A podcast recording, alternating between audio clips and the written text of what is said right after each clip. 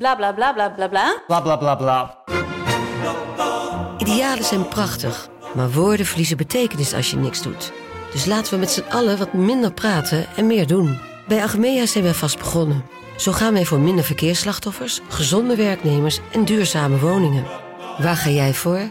Kijk op www.werkenbijagmea.nl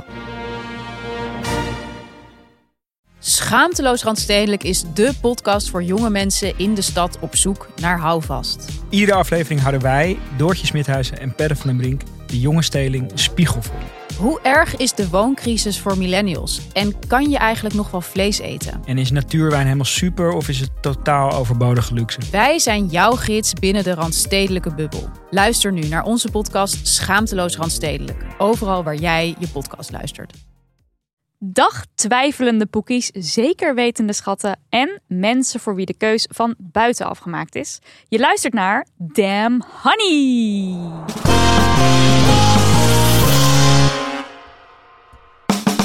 De podcast over shit waar je als vrouw van deze tijd mee moet dealen. Mijn naam is Nidia En ik ben Marilotte. en dit is aflevering 131. We hebben vandaag een oude bekende te gast. Namelijk schrijver en freelance journalist Jantine Jongebloed. Ze schrijft over persoonlijke ontwikkeling, lichaam en seksualiteit. En een aantal jaar geleden verscheen haar boek Wie zette mijn naaktfoto's online? Daarover kwam ze met ons praten in aflevering 63. En eh, nou ja, zojuist, net nu, is haar eh, nieuwe boek verschenen. Soms wil ik een kind. Over het al dan niet hebben van een kinderwens en daar een keus in maken. En daar, lieve luisterballen, gaan we het dus vandaag met haar over hebben. Welkom Jantine. Dank. Hallo, ja, was jouw boek er vorige keer al? Of was het over het artikel? Ja, dat ging over het artikel, Ja, ja. toch? En dat Oh, boek ik wat dacht daar, dat eh, boek. Ja, Nee, stappen hebben kwam later. Ja, nee, dat ging heel hard. We hebben gepraat over het artikel. En dat boek wat daaruit voortvloeide, kwam vervolgens een paar maanden, ik denk een half jaar later uit. Oh. Ja. Ja, dan maar goed, dat, dat artikel was ook al bijna een boek. Zeker. Ja. En het was vorige keer nog COVID-wise op afstand. Ja, dat was Ja. gek, ja. En nu kan ik jou gewoon aanraken. Ja. En misschien doe ik het ook wel. Ja. Pas maar op. Misschien gebeurt dat nu wel. Ik doe het nu. Eh, laten we deze aflevering maar weer even beginnen met de, eh, de femimisten van stal te halen. Eh Nidia, welke knaller van een femimisser maakte jij? Nou, het is helemaal geen knaller van een femimisser. Oh. Er kwam een berichtje binnen en toen dacht ik, oh ja, oké, ik ga het voorlezen. Ik was in het Spoorwegmuseum in Utrecht. Ik was daar dus ook. Dat was het oh ja moment. Maar nog niet. Nou goed. Hè. Daar was een reis door de tijd met hoe het werken rondom de trein eraan toe ging. De werkers werden weergegeven door poppen en bewegende schaduwen op de muur. Allemaal mannen.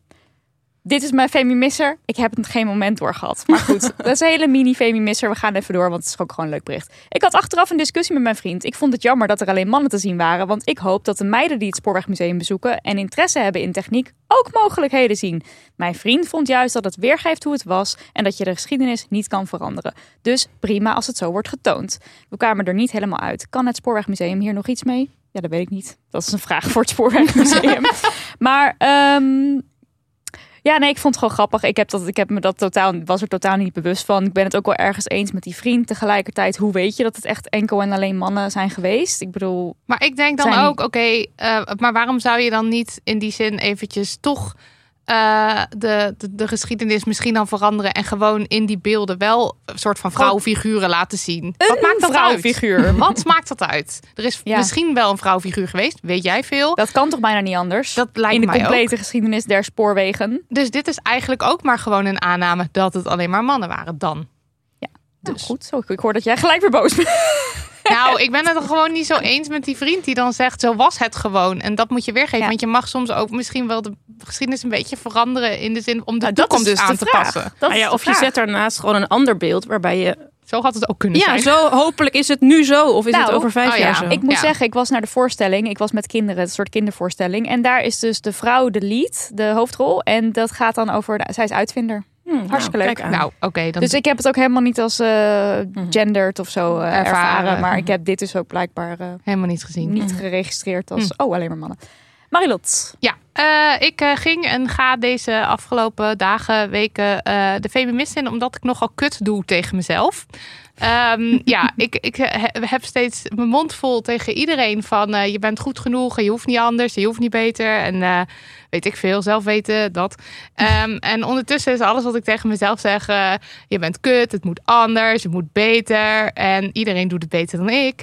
Maar en dat is ook zo. Dat is zo. hou eens op. Dit helpt niet. altijd, altijd als je zeg maar tegen iemand zegt, als je dan erin meegaat, dan Ja. eh, kan het soms ook laten zien hoe belachelijk het Ja, eigenlijk is een goede therapeut. Ja, wat je dat- tegen jezelf. dat ja, is dat zo? Dat weet ik niet, dat denk ik. Oh, oké. Wel, bij Wat? deze. Nou, dat therapeuten dat dan dus ook doen. Van, ja, Nou, je een bent therapeut heeft dat Je wel bent bij mij Je gedaan, bent dat is ook kut. Je bent ook niks Je waard. niks. Ja, Ja. waarom zit je hier eigenlijk? Heeft geen zin. ja, maar eh, het, wat ik merk is, ik kan mezelf al heel erg afstraffen en dan heel streng tegen mezelf zijn, maar dat werkt dus echt totaal natuurlijk helemaal niet, want ik word er paniekerig van. Het werkt, werkt heel verlammend. Het is helemaal niet dat ik dan daar gemotiveerd van raak van, oh, ik vind mezelf niks waard, dus nu ga ik. Dat is ook niet aan de hand. Het is gewoon, het is gewoon ik werk mezelf in een soort verlammende, paniekerige eh, situatie in mijn hoofd vooral. Ehm, ik heb er gewoon helemaal niks aan om mezelf zo naar naar beneden te praten. En ik doe het toch. En eh, dan het, de, de babymisser die daar bovenop komt, is eigenlijk dat ik dan ook niet naar hulp zoek of om hulp vraag. Want dat staat dus al heel lang op mijn to-do-lijst om een therapeut te vinden. Mhm. En dat stel ik eindeloos uit. Dus ik denk dat dat mijn, mijn persoonlijke babymisser is van de afgelopen Goeie. weken. Ja. En jij, Jantien? Ehm, nou, ik moest vanochtend hier heel hard over nadenken. Dat deed ik terwijl mijn man om negen uur 's ochtends de ramen aan het zemen was. Dus toen dacht ik, nee, ik heb het gewoon echt heel goed eh, voor elkaar Uitgespeeld. in mijn micro-huishouden. Maar ik moest wel eh, terugdenken aan eh, de vorige keer dat ik hier te gast was. Dat is dus eh, volgens mij nu eigenlijk exact bijna ongeveer twee jaar geleden. En ik kan me nog heel goed herinneren wat ik toen eh, als feminist aandroeg. En dat ging er namelijk over dat ik een podcast aan het luisteren was eh, van een leeftijdsgenoot, een vrouw van ergens in de dertig, die twijfelde of zij ehm, kinderen wilde. En dat was ze in haar podcast aan het uitzoeken. En ik heb toen, toen ik bij jullie te gast was, gezegd dat ik mezelf betrapte op de gedachte: ach, je hebt helemaal, je hebt geen man, maar weet je, eigenlijk diep van binnen wil jij heus wel eh, een kind. Ehm, en toen dacht ik, ja shit, dat kan, ik kan dat niet denken. Eh, want ik weet dat, dat dat niet waar is. Maar toch ja, is dat dan een soort iets wat ergens, denk ik, in heel veel mensen soort in ons diepste is geworteld.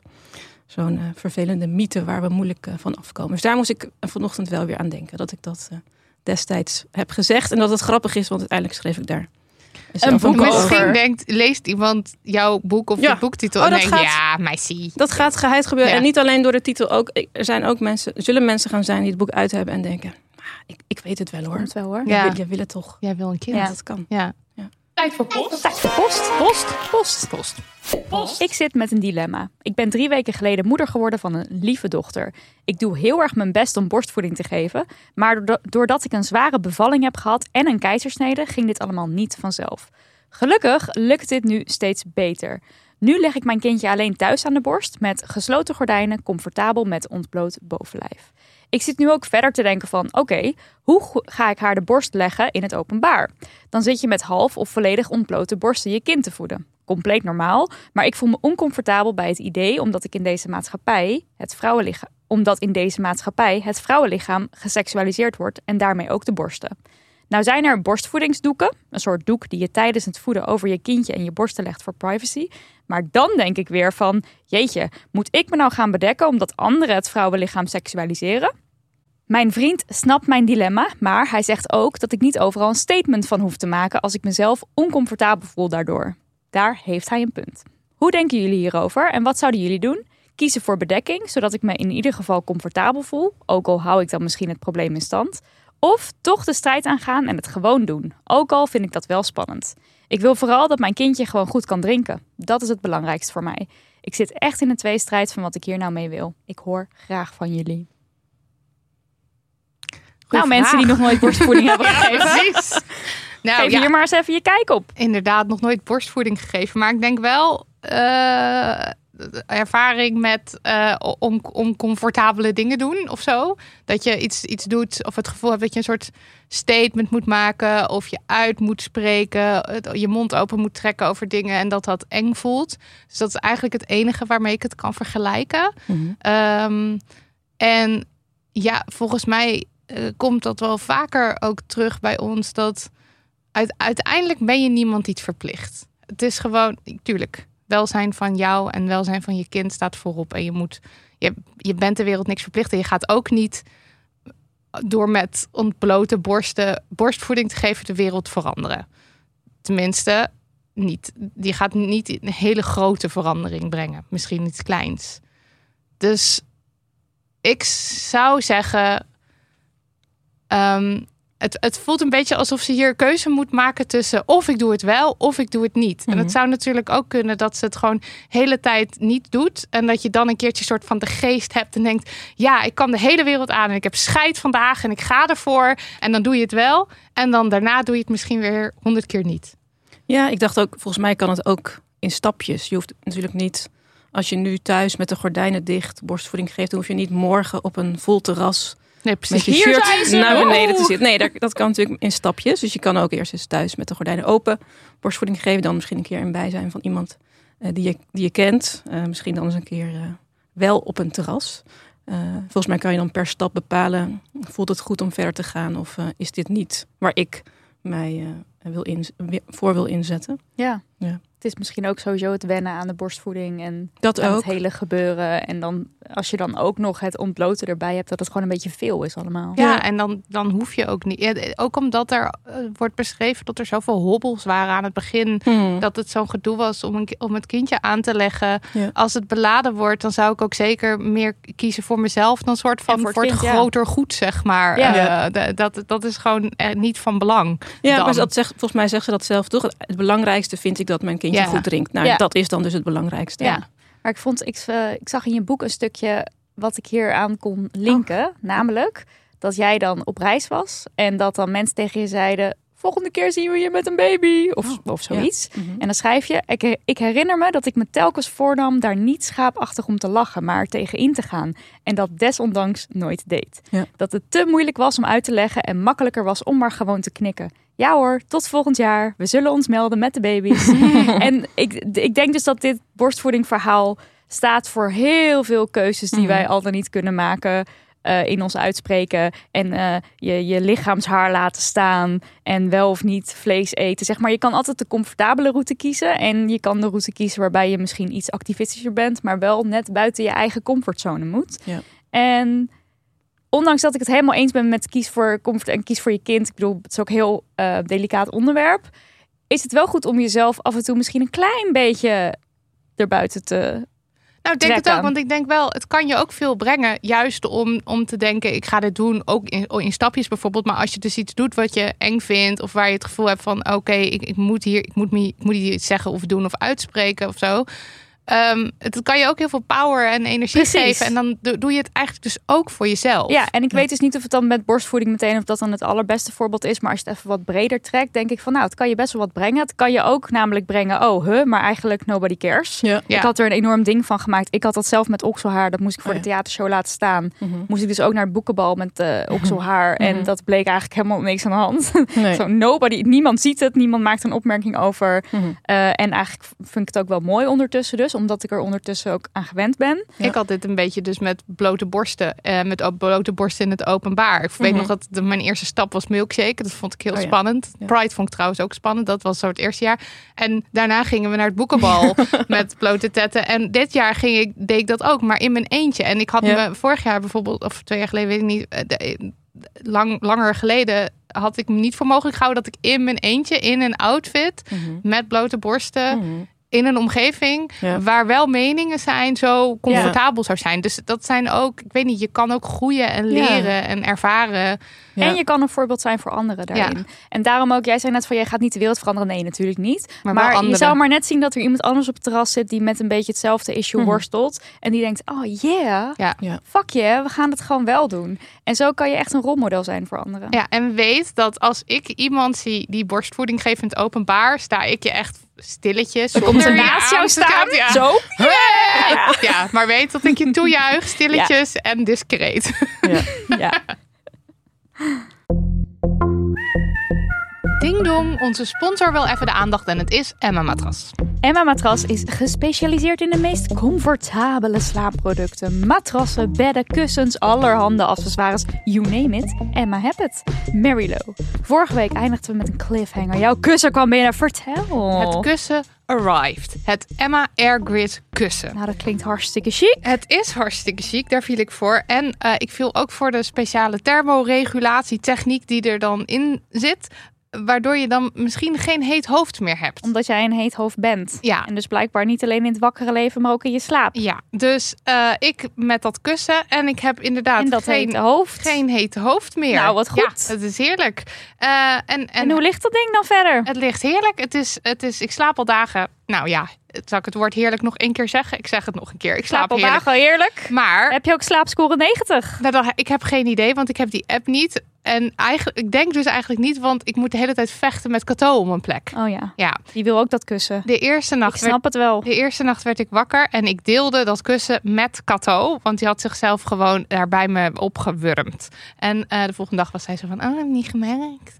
Eigenlijk zijn onze partners gewoon weer de beste promo voor deze comfy slaapproducten. Want Daniel is ook nog steeds helemaal weg van dat matras en nu Kato weer. Ja, precies. En we waren weg op Vlieland deze week. En uh, zij appte net, ik heb vier nachten lang op jouw kussen geslapen. Dus ik weet niet, maar uh, let it speak for itself. Bestel nu op emma-sleep.nl en krijg tot wel 55% korting tijdens Maand van Oranje. Die is nu gaande. Nu, nu is de Maand van Oranje. Gooi ook even de code HONEY10 erachteraan. Dan krijg je nog eens 10% extra korting. Ik vind het veel. Emma-sleep.nl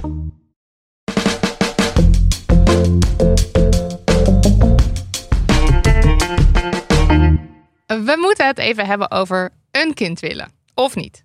Of wel. Of niet. Of wel. Of niet. Of ja, wel. Of niet, ja. uh, ik heb vroeger vaak gedacht, later als ik kinderen heb. Niet als een uh, zo van optie, maar gewoon een gegeven, een vanzelfsprekendheid. Maar nu is het later. En de vanzelfsprekendheid voor mij is er al een tijd vanaf.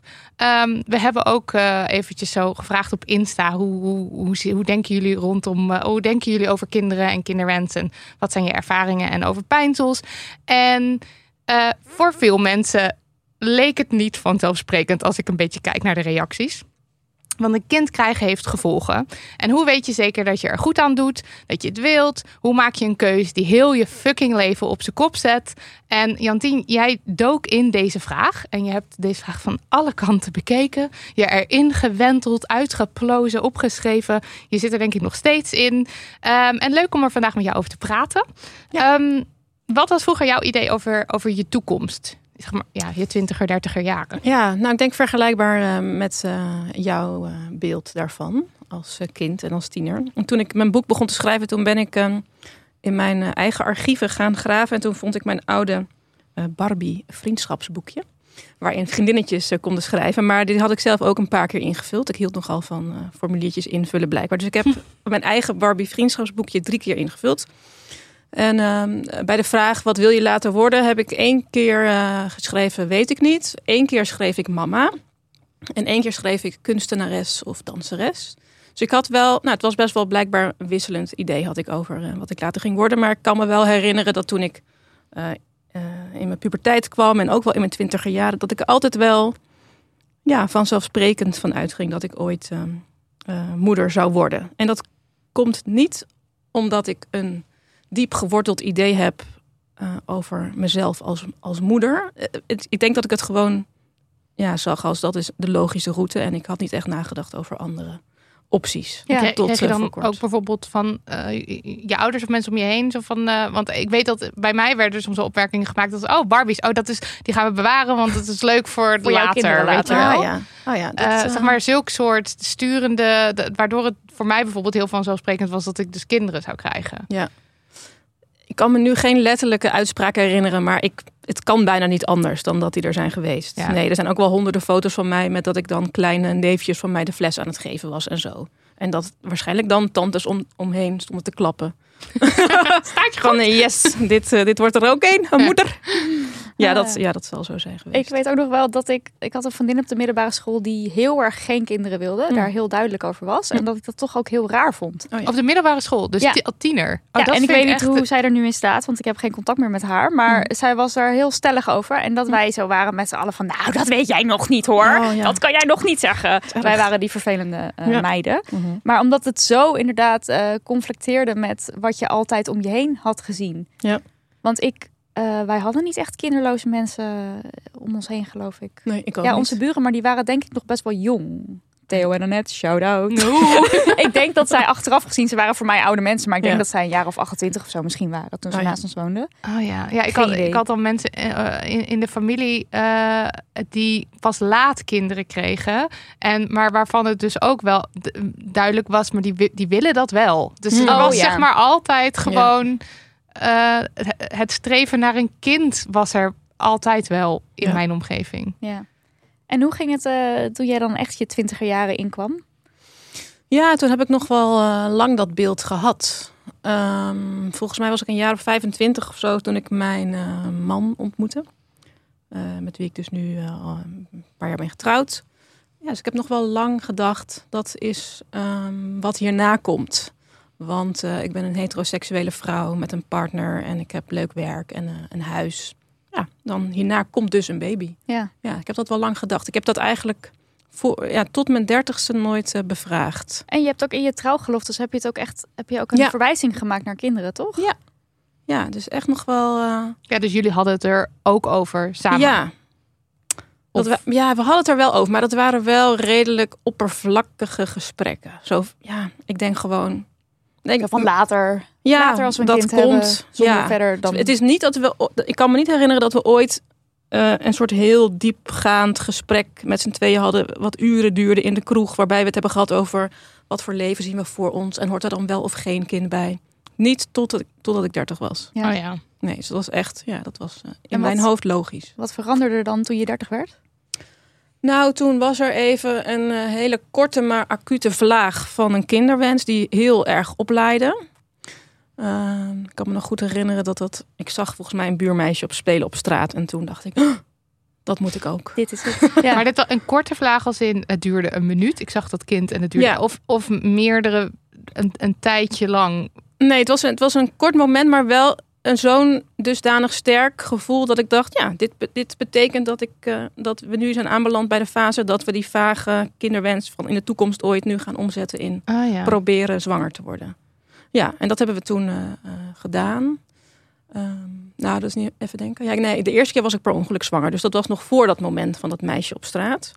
En die eerste per ongelukke zwangerschap, die eindigde in het ziekenhuis. Want dat bleek een buitenbaarmoedelijke zwangerschap. Dus dat was een embryo dat niet in mijn eh, baarmoeder groeide, maar eh, daarbuiten. En dat heeft dan geen kans van slagen, van overleven. Dus ik moest diezelfde dag dat we erachter kwamen dat ik zwanger was, eh, geopereerd. En toen is een eileider verwijderd.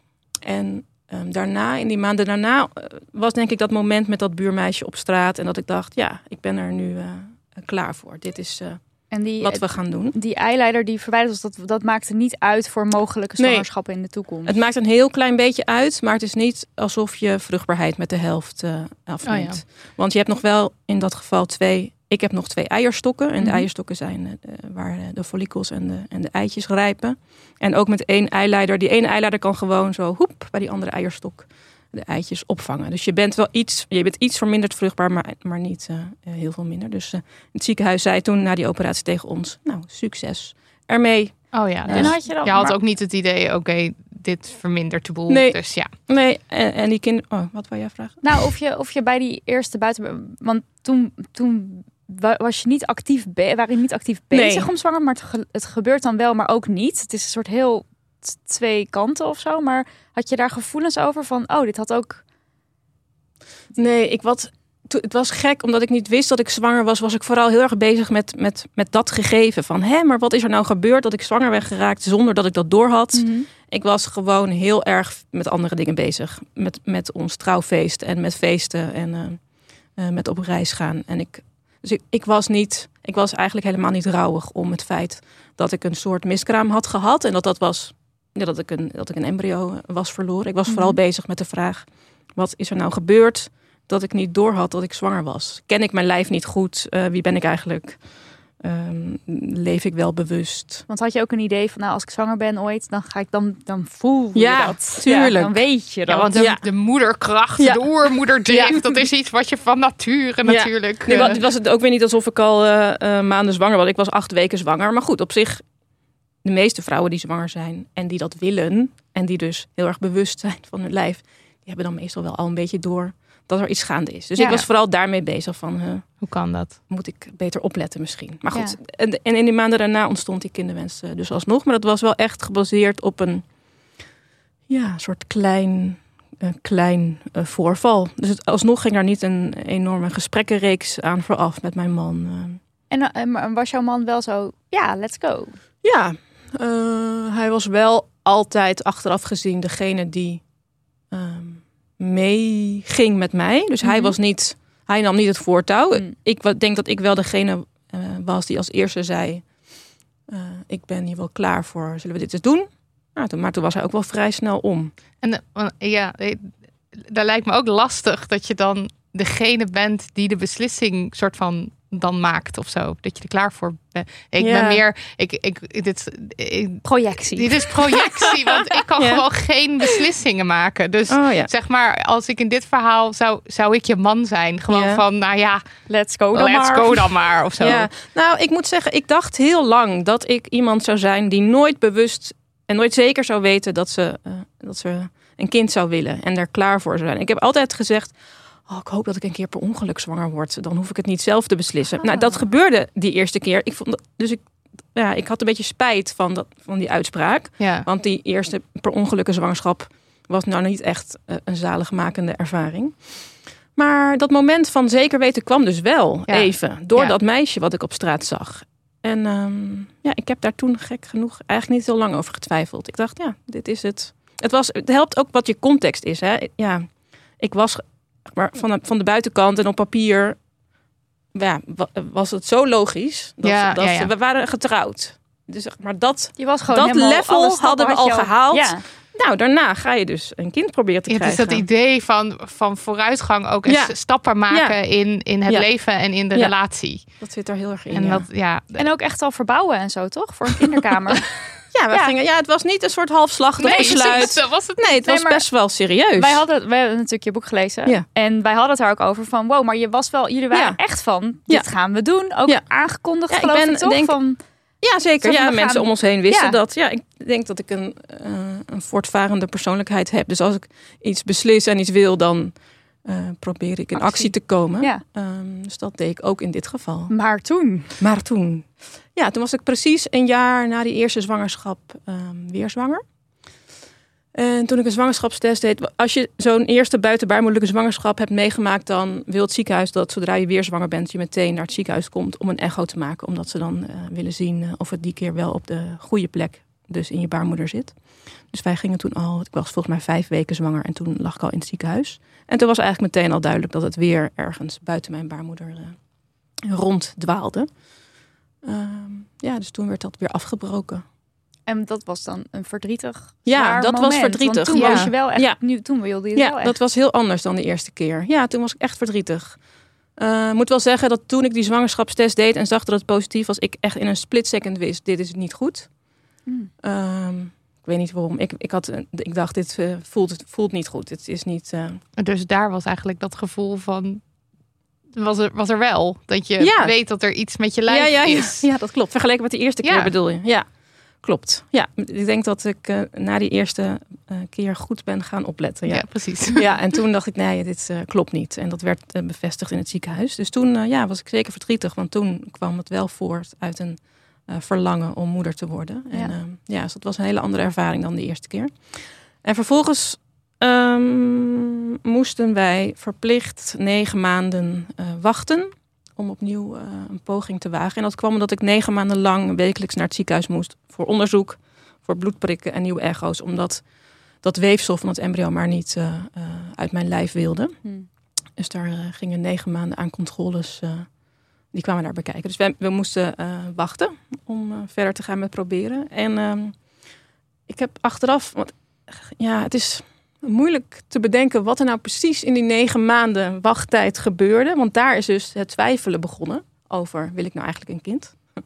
Terwijl ik het daarvoor zo zeker wist. En ik denk wel eens, omdat we die negen maanden moesten wachten, kregen we de tijd om na te denken. Ja. En wat je, betekent het eigenlijk? ja, en als je gaat nadenken over een kinderwens, ja, je komt daar op zich niet helemaal uit. Tenminste, ik niet. Als Nee. je goed gaat nadenken over waarom wil ik een kind? Wat betekent dat voor mijn leven? Wat geef ik op? Ja, als je het heel rationeel gaat benaderen, dan zijn er eigenlijk vooral heel veel slechte redenen te Nou, verzinnen. Nou, ik, ik, heb zelf, ik ben zelf ook heel erg met dit onderwerp bezig. En ik heb ook echt wel eens gedacht van... nou, je hoeft eigenlijk maar lang genoeg te wachten en na te denken hierover. Ja. En om je heen te zien wat Ja. het doet met gezinnen die kinderen krijgen. Ja. ja, ook heel veel geluk. Ik denk dat er ook mensen zullen luisteren die zelf kinderen hebben... en denken van, ja, maar meiden... ehm, je, je- jullie kunnen niet weten, je weet niet welke het je liefde brengt, of welke zeg maar. En Maar dat wil is ik ook dus zo. niet. Ja, dat wil ik dus ook niet ehm, eh, onderschatten of zo Mhm. inderdaad. Mhm. Maar je ziet natuurlijk ook de zware kanten. En het Ja. is best wel makkelijk om vervolgens een lijst te gaan maken met alle redenen waarom Ja. een kind geen kind hebben Mhm. eh, een fijne beslissing is. Ja. En die lijst die heb ik dus ook. ja. Die heet de grote geen kinderen Oh, nee. lijst. ja. Ehm, Maar maar dus maar kan, je, kan je een kinderwens kapot, kapot denken? Eh, ja, in die zin dat het bij ons, toen wij nog een kinderwens hadden, um, want mijn man die twijfelt inmiddels eh, minstens even hard als ik zelf. Toen wij nog een kinderwens hadden, toen ontstond dat vanuit een soort romantisch ideaalbeeld. Wij, wij hadden toen eigenlijk nog geen vrienden in onze omgeving die kinderen hadden. Dus dat was ehm, eh, eh, positief voor het kunnen groeien van die kinderwens. Want het, je baseert het dan op een soort ja, film of, Ja. een, of een idee of een In ieder ideaal. geval zie je de En op moeilijkheden momenten. zie je niet. Nee. Ik denk heel erg op momenten. Dus je denkt niet zozeer... In het park, picknick, Ja. terwijl je Ja. kind om je Precies. heen hobbelt. Ja, dat. en, en, en aan de, eh, weet je wel, oh, eh, en dan wordt het een kind eh, zo precies zoals wij. En Ja. grappig. En daar kunnen we dan gesprekken later mee voeren. Want we hebben uiteraard dezelfde interesse. Zeg Ja. maar, je Ja. gaat een soort wordt een ideaalbeeld. leuk kind wat helemaal aansluit op ons. Ja, Eh, wat en niet, een kind helpt. wat compleet En- andere ja, ideeën precies. heeft over de wereld of het leven. Of Ja. weet je wel, nou ja. Ja, dus dat was ook eh, waar onze kinderwens op was gebaseerd. Mhm. eh, op, een, eh, ja, op een ideaal plaatje. En ik denk dat dat voor veel mensen zo is. Eh, maar in die periode tussen, tussen die beginnende kinderwens en dat we begonnen te twijfelen, zat een, zat een periode van twee jaar. En het was niet alleen dat wij er vanaf dat punt pas voor het eerst echt over na begonnen te denken, maar dat ging ook, dat liep gelijk op met dat er dus inderdaad vrienden om ons heen eh, ouders waren geworden in die twee jaar.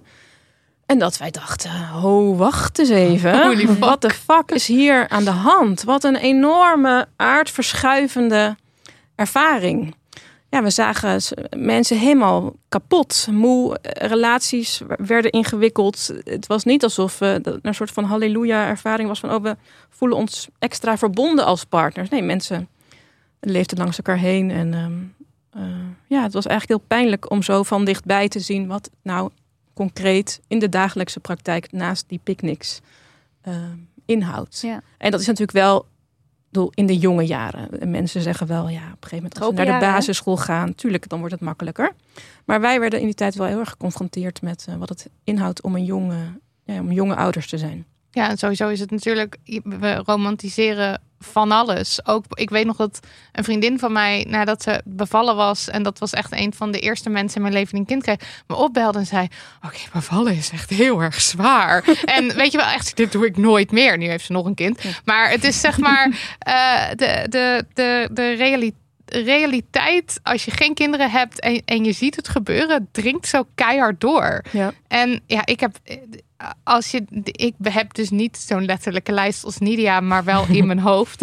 En ik heb het idee dat als, als iedereen er zo over na zou denken, zoals nou, ik denk wij er allemaal over nadenken, dan zou gewoon bijna geen kinderen meer zijn op de Nou, wereld. dat denk ik niet. Dat echt Want niet? ik, nou, ik denk echt dat er... Er was ook iemand die had gereageerd op onze vraagsticker van... Ik heb een kinderwens, ik kan niet verklaren waarom. En ik schaam me er ook voor dat ik het niet kan verklaren. Dat Ja. noemde zij dan weer een femi-misser. ja. Eh, maar ehm, de, de, dat, er zijn natuurlijk mensen die hebben gewoon... Ja, dat, die, daar is het gewoon. Ja. ja. Ja. En, dan, en dan kan ik wel zeggen van... Ja, maar je gaat slecht slapen. En je Ja. gaat je Maar dat maakt dan meer- niet uit. Nee. dat, dat, Ja. de- ik denk dat er heel veel mensen zijn waarvoor dat ook geldt. Ja. Alleen... dat is het dominante verhaal is natuurlijk heel lang geweest. Kinderen. Ja. Mhm. En dat begint langzaamaan minder het dominante verhaal te worden. Er is ook meer ruimte voor de niet-roziger en maneschijn verhalen. Ja. Eh, en dat verandert het wel voor een deel van de mensen. Maar er zijn ook nog heel veel mensen, denk ik, Nou, die wel gewoon, Ja. die, die gewoon, ik wil dat. En eh, je kan, jij, ik kan nu mijn lijst gaan voorlezen met En dan 20 doet ze punten. En ze denken, ja, eh, I don't care. Ja, oké, dan, maar dan heb ik het misschien meer over de twijfelende mens. De Mhm, mensen ja. zoals, nou, zoals ik, die geen beslissingen kunnen nemen en die echt en, en, en dat je dan zo'n grote Mhm. eh, beslissing moet nemen waar je eigenlijk de gevolgen niet van kan overzien. Als ik dan, dan is de lijst met negatieve dingen is dan groter als je het dus gaat kapot analyseren. Mhm. Ja, ik heb, ja, ik, ik weet ook nog dat we in, in de, dat we, ik weet niet, volgens mij toen we Demo niet schreven, ehm, ook wel discussies hadden over hoe apart het eigenlijk is dat kinderen dus worden opgevoed met het idee, of meisjes worden opgevoed met het idee, je wordt, later moeder. En dat wij zoiets hadden van, maar waarom is het niet zo dat het eigenlijk de andere kant op gaat? Zeg maar van dat je, dat je, dat je meer realistische verwachtingen krijgt en zo. Maar ehm, dat zou denk ik betekenen dat veel minder mensen kinderen zouden krijgen. Ja, ik moet zeggen, want volgens mij die verhalen, vooral die ik zie op bijvoorbeeld Instagram, waarbij moeders de afgelopen jaren echt wel een stuk eerlijker zijn Ja. geworden dan eh, vijf jaar geleden, denk ik. Die hebben mij wel een beetje eh, eh, een schrikbeeld eh, Ja. voorgeschoteld. En ik zat ook te denken, toen, toen ik dit aan het voorbereiden was, van moeten we een soort disclaimer geven of zo? Zo van, ja, eh, we gaan misschien nu ook wel heel veel negatieve dingen zeggen over kinderen, maar ne- ja, weet je wel, eh, je hoeft niet meteen geen kinderen te... Ik voelde echt een soort, Ja, daar bijna een soort... eh, Want ja. jij schrijft natuurlijk ook in je boek, jij durft het boek Spijtmoeders niet Ja. te lezen. Wat Ja. dus gaat over ehm, moeders die spijt hebben van hun moederschap. Ja. Maar dat durf jij niet te lezen uit angst dat het een soort jou nog erger overhaalt. Ja, op een gegeven moment ehm, was ik al zo in mijn proces naar de nee aan het neigen. Dat ik dacht, als ik dit boek lees van moeder... Daarin worden volgens mij 23 Israëlische moeders geïnterviewd... die spijt hebben dat ze ooit moeder zijn geworden. Ik dacht, als ik dit boek lees, dan, dan is die nee 100%. En ik voelde me ook nog niet klaar om een beslissing te maken. En jij zei net van, moeten we niet een soort disclaimer eh, aanbrengen? Toen dacht ik, ja, ik heb dat boek geschreven omdat ik twijfel. Dus Ja, dat betekent het is niet dat, een nee. Nee, dat Nee. betekent, want ik, ik kan me voorstellen dat als mensen inderdaad dit horen en wij zijn al die vervelende dingen aan het opnoemen, dat Ja. mensen denken, ja, oké, nou dan neem je geen kind, punt. Ja. Maar het Maar probleem dus is, het ik heb het boek geschreven omdat ik twijfel. En dat betekent dat mijn twijfel ook bestaat uit een ja. Ja. Dus dat er ook eh, genoeg en regelmatig en vaak momenten zijn dat ik wel nog dat verlangen naar een kind eh, ervaar. Wat ik dus ook had toen ik op mijn dertigste eh, bezig was om zwanger te worden. Dus dat is er, dat, dat, ja, dat loopt echt kriskras door elkaar heen en dat Ja. is bloedirritant. Het speelt ehm, het lichamelijke deel nog een, een rol bij jouw twijfel? Zeg maar, of, eh, de- niet alleen dat je twee ehm, zwangerschappen hebben, hebt, he- hebt gehad die niet, eh, niet goed gingen, maar ook bijvoorbeeld, eh, weet ik veel, uit, uitscheuren of eh, de verzakt bekken. Nee, ik moet zeggen dat, dat ehm, zwanger zijn en bevallen, dat valt voor mij onder het, onder, onder het lijstje om het wel eh, te Oh, willen. Ik, ja, ik denk, ik heb zoals, ja, ik weet niet, ik ben er zo heel, op een hele rare manier van overtuigd dat ik heel goed ben in bevallen. Oh ja. Eh, ja. En zwanger zijn lijkt me echt magisch. Ik bedoel, ik weet ook wel dat er mensen zijn die denken: oh mijn god, wat moet ik met die alien in mijn buik? Maar nee, lijkt mij echt fantastisch. Dus het zou bijna een reden zijn om het wel te doen. Niet, Ah, niet reden genoeg, maar nee, dat houdt, weerhoudt mij niet. En dit is voor jou een hele belangrijke, heel, heel belangrijk voordeel. Eh, of hoe noem je dat? Ja. Nou, nee, niet. Positief. niet belangrijk genoeg natuurlijk, want ik realiseer me dat die zwangerschap en bevalling negen maanden duren en vervolgens zit je 100 jaar vast aan een kind. Dus het is nooit. 100 jaar mensen, 100 jaar. Ja, het is natuurlijk nooit de reden. Nee. Nee, nee, nee. Eh, maar, is dat voor jullie anders? Nou, ik, ik heb helemaal niet de wens om zwanger te zijn. Hm. Ik heb dat totaal niet. Ehm, ik heb ook, eh, zeg maar, uit mezelf niet een kinderwens. Maar ik ben ook niet iemand die beslissingen neemt. zeg maar, het liefst zou ik de tijd bevriezen. Ik zou het liefst gewoon zeggen: dit is wat het is. Mhm. Ik ben blij met waar ik zit, met mijn werk, met gewoon eh, de, met mijn partner. Ik ben gewoon happy. Het liefst zou ik het gewoon zo laten. Mhm. Ik begrijp dus ook nooit zo goed de wil om vooruit te gaan, zeg maar, in om stappen te nemen. Dat je een ander huis wil, Mhm. dat je wilt, zeg maar, al die grote beslissingen. Ik begrijp dat nooit zo goed. Mhm. En ehm, dit is natuurlijk bij uitstek zo'n ding waar je echt moet beslissen. En zwanger zijn voor mij is helemaal niet iets wat ik wil. Wat ik wel heel fijn vind, is dat mijn partner nu is vrij jong nog. Een Heeft, en heeft voor de ook een bar, die- Ja, baarmoeder. Ja. Voor de mensen die dat niet weten. Dus daarmee heb ik een soort uitstel gekregen van deze, van deze beslissing. Want ik, ik weet dat ik het zelf niet hoef. Eh, Maar, maar als je, want je, beg- je begon je eh, betoog met ik heb geen kinderwens. Waarom is het dan niet zo simpel als nou, dat is toch helder? Ja, nou, ik heb geen. Wat ik wilde zeggen is. Zeg maar, beslissingen bij mij ze komen altijd door een externe prikkel. Als ik, ik verhuis niet uit mezelf. Ik word uit mijn huis gezet, zeg maar. Dat is een beetje wat er aan de hand is. Dus als, En kun je dan vervolgens wel blij zijn met wat er is ja, ja, gebeurd? ja, want het is niet zo dat ik, zeg, ik, ik verhuis tegen mijn zin, maar ik ben nu blij met waar ik ben. En zeg maar, ehm, uiteindelijk denk ik dus ook dat als, als ik ooit een kind krijg, gaat het ook zo. Dan gaat mijn partner zeggen, ik wil, ik wil een kind. En dan ga ik daar wel of niet in mee. Ik bedoel, die, ik kan wel voor mezelf denken. Maar het zal een externe prikkel zijn. Mhm. Ik denk niet dat ik ooit zelf... En ik bedoel, het wordt sowieso, zeg maar, eh per ongeluk zwanger worden... zit er voor mij Nee. sowieso niet in. Mhm. Ehm, maar ik denk niet dat ik ooit zelf zeg: ik ben er klaar voor. Want dat zal ik eigenlijk nooit zijn. Wat ik, wat ik me wel dus voor kan stellen, is dat ik, ondanks dat het me nu echt de hel lijkt om kinderen te hebben, dat ik toch gedij in Hmm. die situatie, omdat het een soort structuur brengt. En ik kan me ook gewoon voorstellen dat ik het leuk vind, Hm. rationeel gezien. Mhm. Maar ja, nee, ik zal het nooit dus dat zelf doen. Mhm. En jij, hoe verhoud jij je tot, tot het lichamelijke? En of ik dat- vind het lichamelijke eigenlijk heel erg interessant. En ik mocht ook bij de bevalling van mijn zus zijn. En dat Ja. vond ik echt geweldig. Dat ik dat mocht meemaken op die manier. Dus het is niet zozeer dat dat me tegenstaat. Maar ehm, dat er een mogelijkheid is dat er verandering in je lichaam plaatsvindt die niet onomkeerbaar is. Zoals gedoe met je blaas, een verzakt bekken, zeg maar dat soort shit. Mhm. Vind ik wel iets engs Ja. Omdat ik gezegend ben met een erg prettig functionerend lichaam tot nu Mhm. toe. Dus ik ben ook helemaal niet gewend om een kwaaltje of een dingetje te hebben.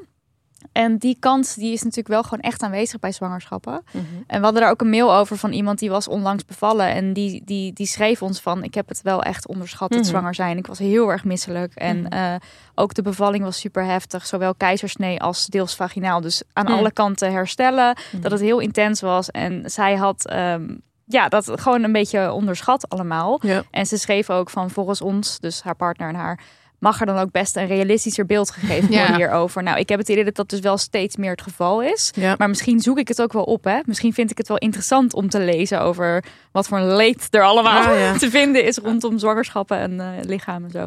Maar ik vind, ja, eh, dat zou niet voor mij een reden zijn om het niet te doen. Nee.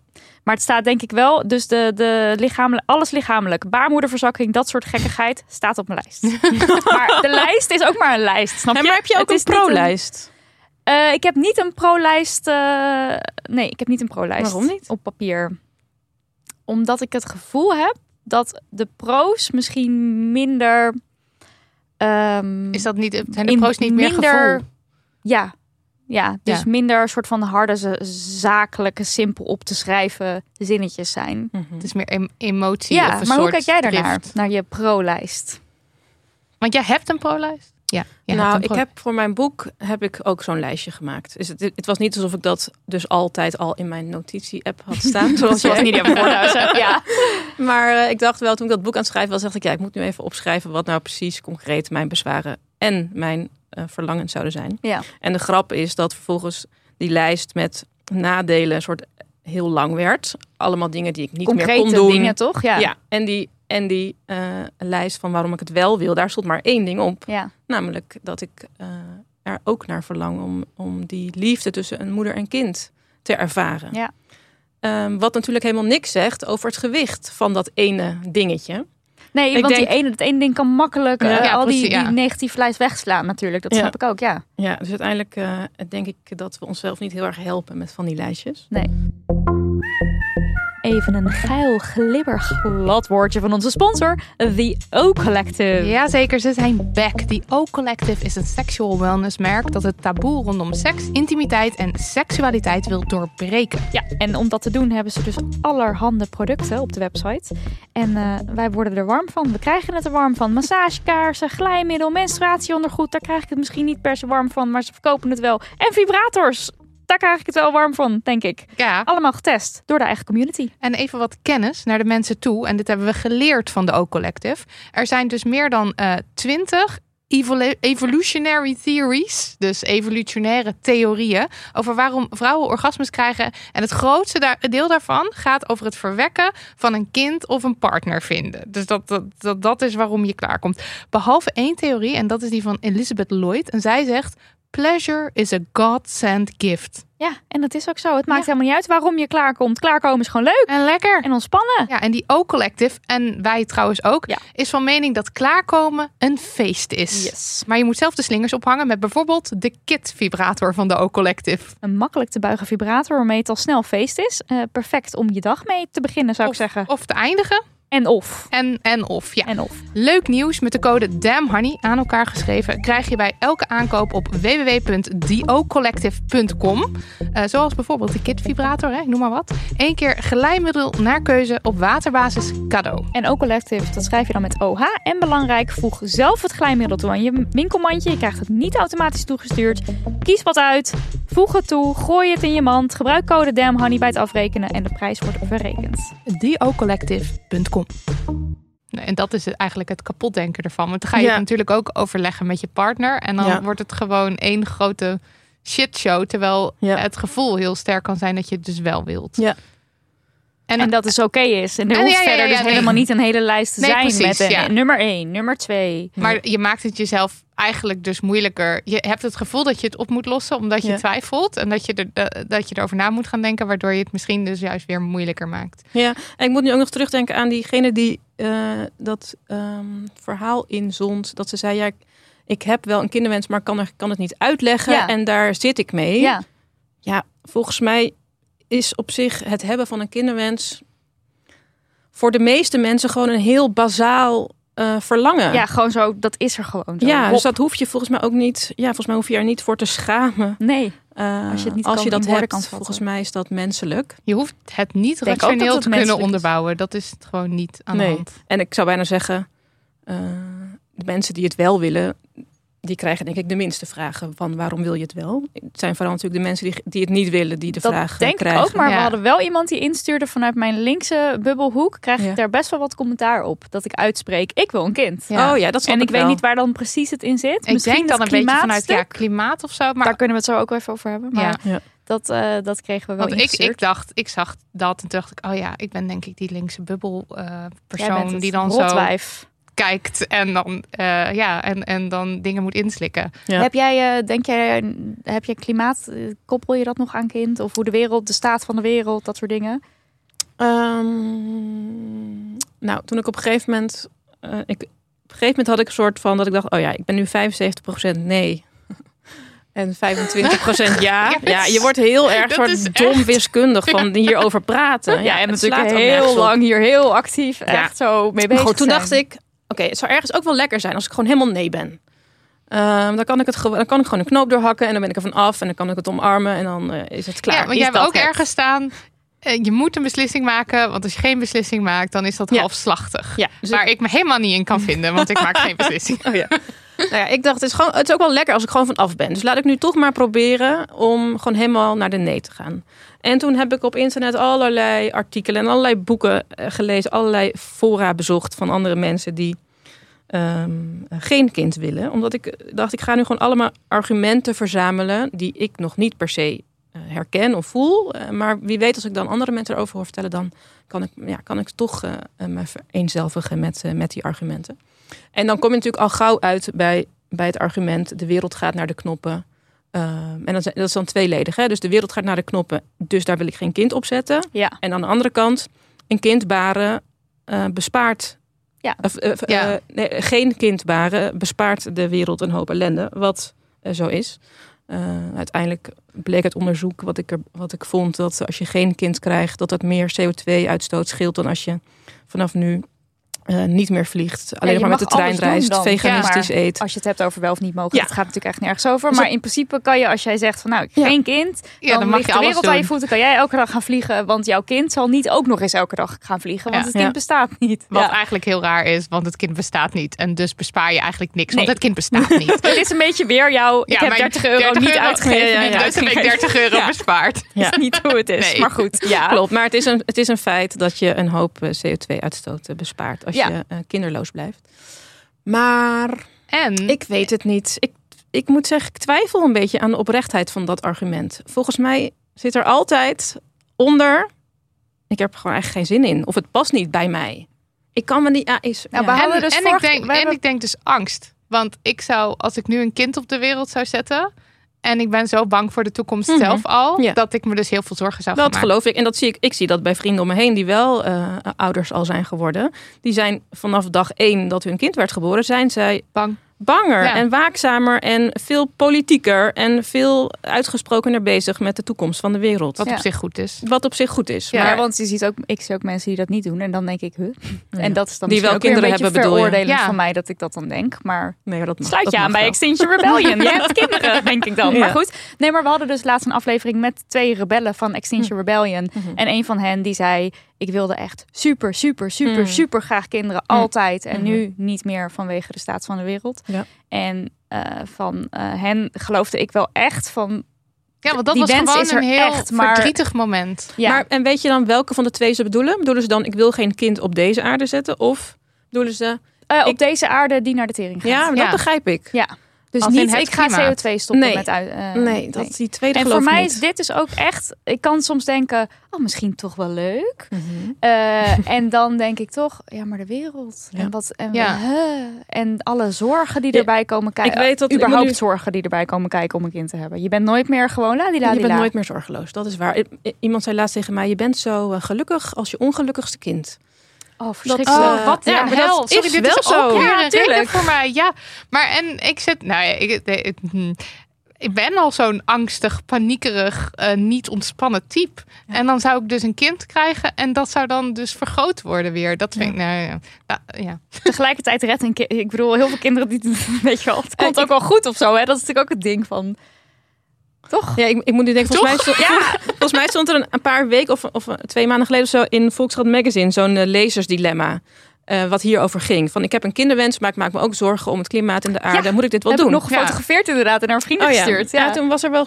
Ja, kijk, de enige hoopvolle reactie die je daarop kan geven is: ja, maar we hebben ook mensen nodig die de aarde gaan redden. Ja. En hopelijk kan jij dat kind baren. Ja.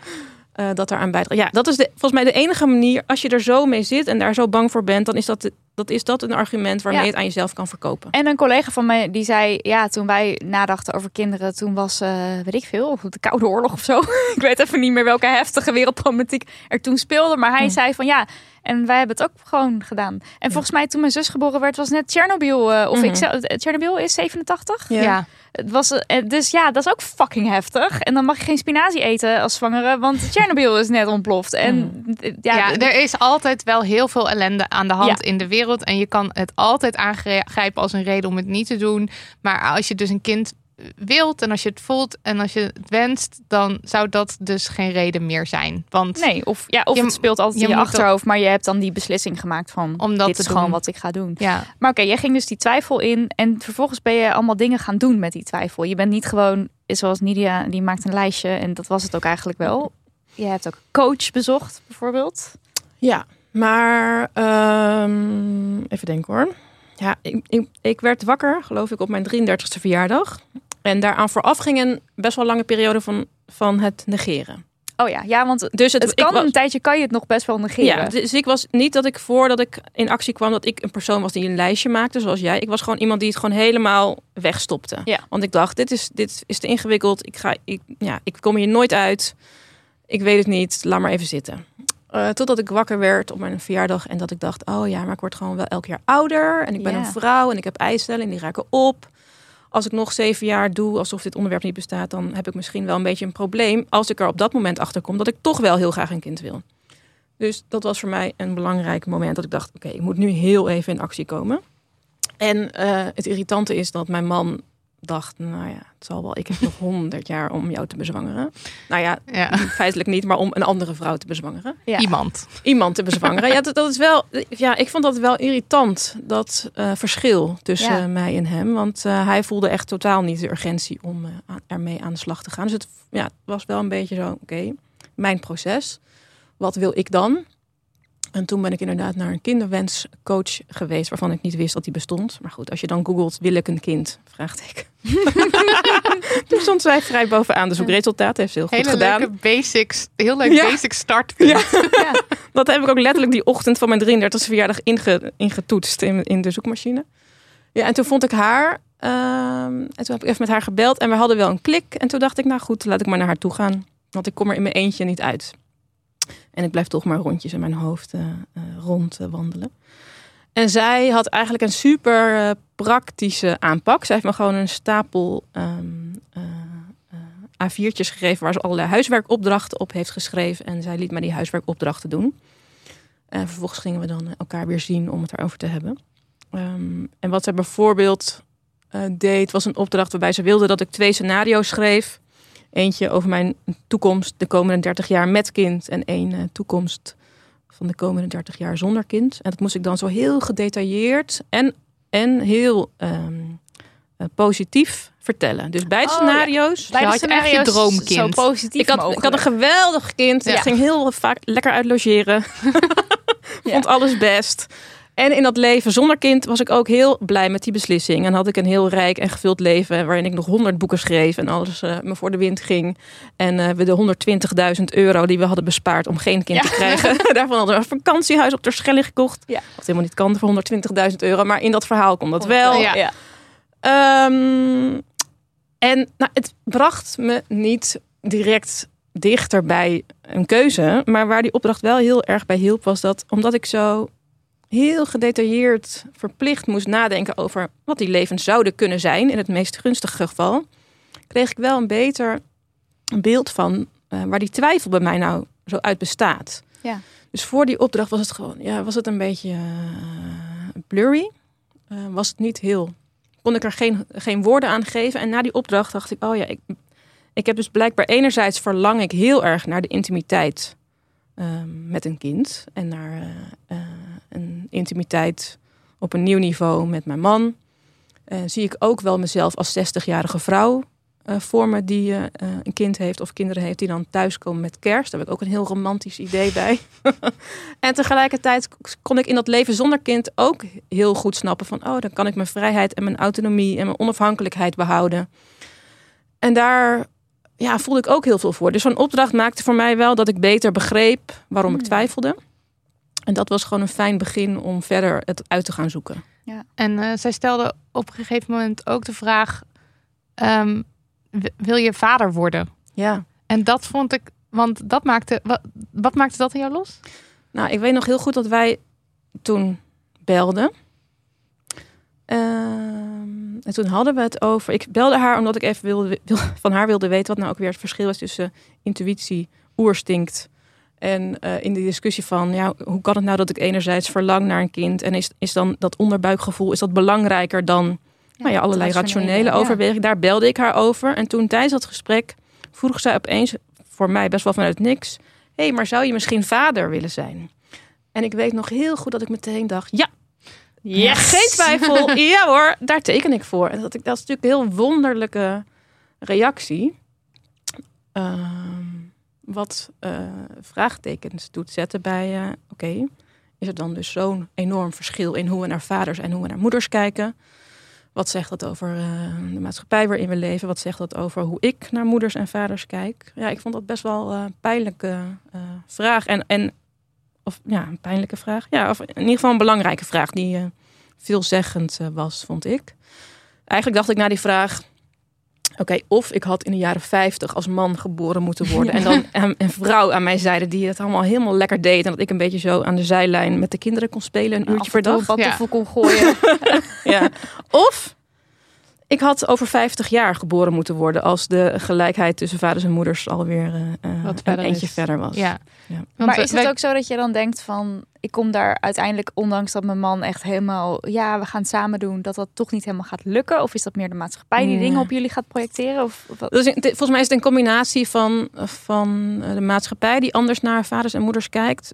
Mijn zus is moeder van twee kinderen en ja, eh, volgens mij kennen we die verhalen inmiddels wel. Dat zij, zij wordt altijd gebeld als Ja, er iets door met de kinderen is. Ja, het, eh, door kinderen van ja. op school. Terwijl Ja. haar man, zij, zij en haar man werken evenveel. Haar man is eigenlijk veel flexibeler in zijn baan. Die kan makkelijker de kinderen van school ophalen eh, dan mijn zus.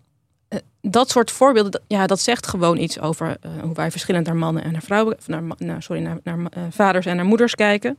En ik denk dat daarnaast is het een feit dat ehm, vrouwen, omdat ze biolo- vrou- vrouwen die biologisch moeder zijn, eh, ja, toch wel echt een andere, eh, zeker in die eerste periode van een kind, een andere eh, relatie hebben met het kind dan de vader. Als ik, ja, Je bedoelt eh, qua hormonen of zo? ja, en hoe het biologisch werkt en hoe, eh, hoe het hormonaal werkt. Ja, ik heb er wel eens van begrepen dat als je als vader wel echt goed, of als ouder, want die laten we het, eh, als je Ja. het even iets neutraler omschrijft, Ja. als je als niet barende ouder genoeg tijd met je kind doorbrengt, Ja. dat dan de hersenstructuur, nu zit ik weer dingen te zeggen waarvan Ja. ik het niet, maar zeg maar datgene wat dan bij de biologisch dragende ouder al sowieso aan de hand is, Ja. ook bij die ander gebeurt. Dat is zo.